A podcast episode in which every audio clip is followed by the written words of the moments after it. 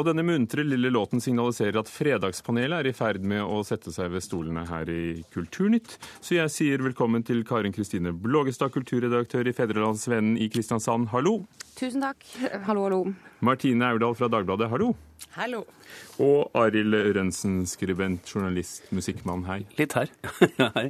Eh, Første spørsmål eh, handler om noe vi har eh, hørt om allerede her i dag, nemlig Spellemannprisen, som eh, er på trappene i morgen i Stavanger for første gang.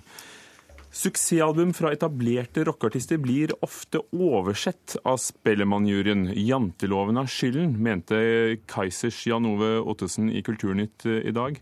Har han rett? Har janteloven gjort at suksessene blir oversett? Arild Rønsen? Nei. Martine? Nei.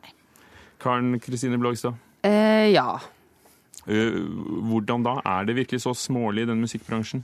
Ja, det virker jo litt sånn når vi hørte, eller har hørt han ramse opp alle disse suksessbandene som ikke har blitt eh, satt pris på i spellemannssammenheng, så er det jo litt påtagelig. Og jeg syns jo at eh, disse kritikerne som sier at det er debutanter eller veteraner som i veldig stor grad blir hyllet på Spellemannsshowet, at det er noe typisk norsk, og at det kanskje er et poeng. Jeg syns tvert imot at det er helt flott ja, at debutanter og veteraner løftes fram og gis priser, istedenfor at det er bare akkurat de som dominerer eh, salgslistene akkurat eh, på det, hvilket som helst tidspunkt som skal dominere og, og vinne, alle, vinne alle de store prisene også. Så er det jo, hvis du går gjennom Spellemannprishistoria, så er det vel knapt et eneste stort norsk band som ikke har fått Spellemannprisen.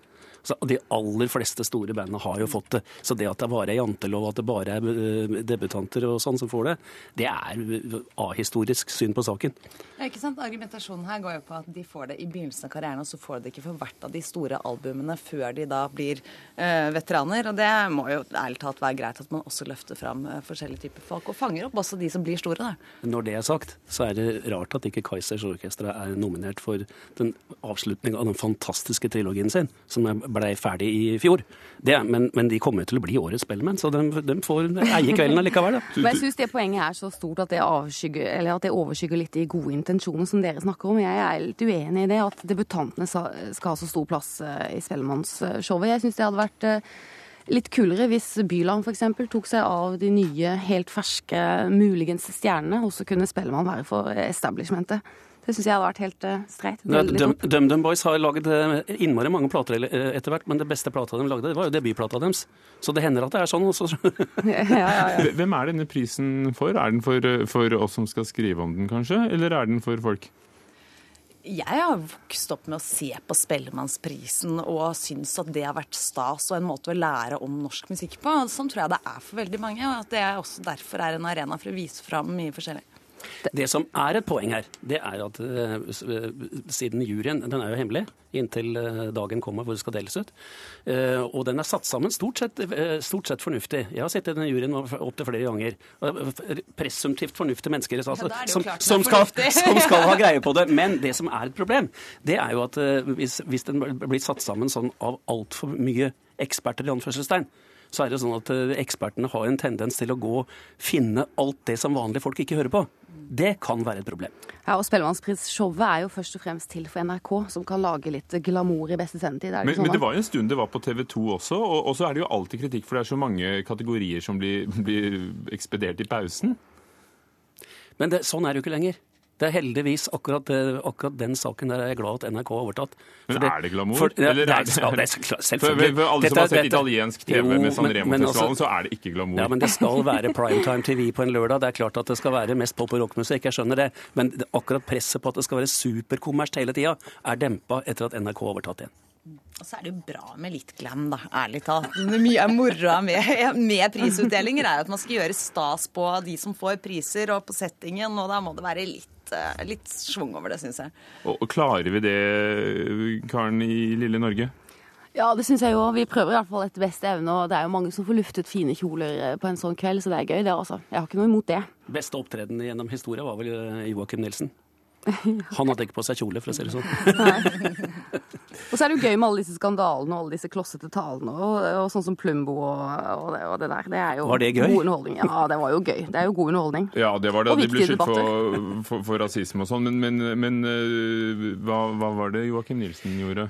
Hadde vel, hadde vel, det var i Chateau Neuf, og det kan vel si at det vorspielet hadde vært eh, relativt fuktig. Sånn, uh, men det ble jo en god historie ut av det, da. Det er godt vi har uh, pulsredaktøren med oss som kan, kan friske på rockehistorien. Um, nytt, spør nytt, spørsmål. I går, eller ikke i går, i forgårs var det denne uken, endret Stortinget tobakksskadeloven. For heretter kan ikke norske medier lenger fritt omtale tobakksprodukter som snus og røyk, og få forbrukere til å teste dem. Dette er sensur, mente pressen. Men er det fornuftig, Karen? Nei. Martine? Nei. Nei, det er ikke det. Jeg så for meg denne reaksjonen fordi vi har tre pressefolk her. Men, eh, men vi har jo akseptert at tobakken har måttet blitt presset ut av mange andre eh, rom, så hvorfor ikke også av pressens rom? Du kan ikke sensurere presse. Det er eh, veldig viktig. Det må ligge i bunn. Det er et helt overordna prinsipp. Det er viktigere enn å være sunnhetsforebyggende eller litt sånn misforstått forebygging. Ja, altså, Selvfølgelig har vi eh, akseptert forbud med tobakksreklame og forbud eh, mot det ene og det andre i det offentlige rom, men det er jo akkurat den prinsipielle forskjellen her, er at man går inn og legger sensur på redaksjonelle prioriteringer og på presentasjon. Og helt sånn prinsipielt så er det jo ingen forskjell på da å skulle gå inn og si at du skal forby anmeldelser av snus eller eh, sigaretter, og på da ta skrittet videre på et hvilket som helst annet område neste gang. Og nettopp derfor så er vi nødt til å si at dette er pokker ta ikke greit. Jeg tror jeg ikke sikker på om det er lovlig etter internasjonale regler heller. Jeg syns at dette kanskje ikke først og fremst handler om pressesensur. Jeg syns at vi pressefolk har lett for å bli litt sånn overømfintlige og høytidelige på, på, egne vegne i sånne saker. Jeg, jeg syns det er verst for røykere, jeg. Altså, jeg mener det, for, for jeg, jeg har aldri røyka. Men jeg, nå syns jeg det begynner å gå så langt. Altså, det er noen folk som skal ha det for, forbud mot røyking på bussholdeplasser. For at det fins en i en mils omkrets som er allergisk. Altså, det, det går ikke an. Et eller annet sted må det gå ei grense, og folk må få lov å bestemme litt sjøl. Og det syns jeg egentlig er en viktigere debatt i dette enn om pressen skal få lov å skrive om prins er bedre enn Paul Maul, eller hva det, vet, jeg vet ikke engang hva det heter. for noe. Men det altså. skjedde jo så sjelden. Det var jo ikke noe problem. Det er jo ingen sak. Altså, det som er den store saken i dette, er at politikere har tid tid til å sitte og, og, og, vurdere dette og utrede dette og behandle dette. Altså, da tenker jeg at da har de for god tid. Dette er det ingen som har ropt opp om også. Ja, For dere har ikke ofte testa av sigarett eller snus, akkurat som det finnes pølsetester og pizzatester i, i avisen, Karen? Nei, jeg kan ikke huske å ha lest det noe sted noen gang. Jeg. Nei, men vi har jo både VG og Dagbladet har jo forsidehenvisninger på vintester før påska i dagens aviser. Og det er jo et naturlig neste steg hvis man skal gå inn på ja. denne typen argumentasjon. Eh, sånn at hvis man ikke roper opp om den første loven, så får vi den rett i fleisen. Og så er det jo lovlige produkter, men, men, tankegangen her er at, at forbrukere ikke skal utsettes for å måtte prøve farlige ting, da. Men, men man skal jo huske på at dette forslaget også er blitt fronta av Kjersti Toppe, da, som er Norges mest forbudskåte politiker. Ja, nå er så... ikke hun her, for dette er ikke en sånn debatt. Nei da, men, det er, men eh, det, er, det er et faktum, i hvert fall. Um, ja, men nå, nå, nå, får dere som leder kultur- og samfunnsavdelingene i de to avisene her, da, lyst sikkert til, til, å, til å, gå ut og ha sånn gatetest med snus. Er det sånn, eh, Martine? Ja, jeg må innrømme at jeg har tenkt tanken i dag.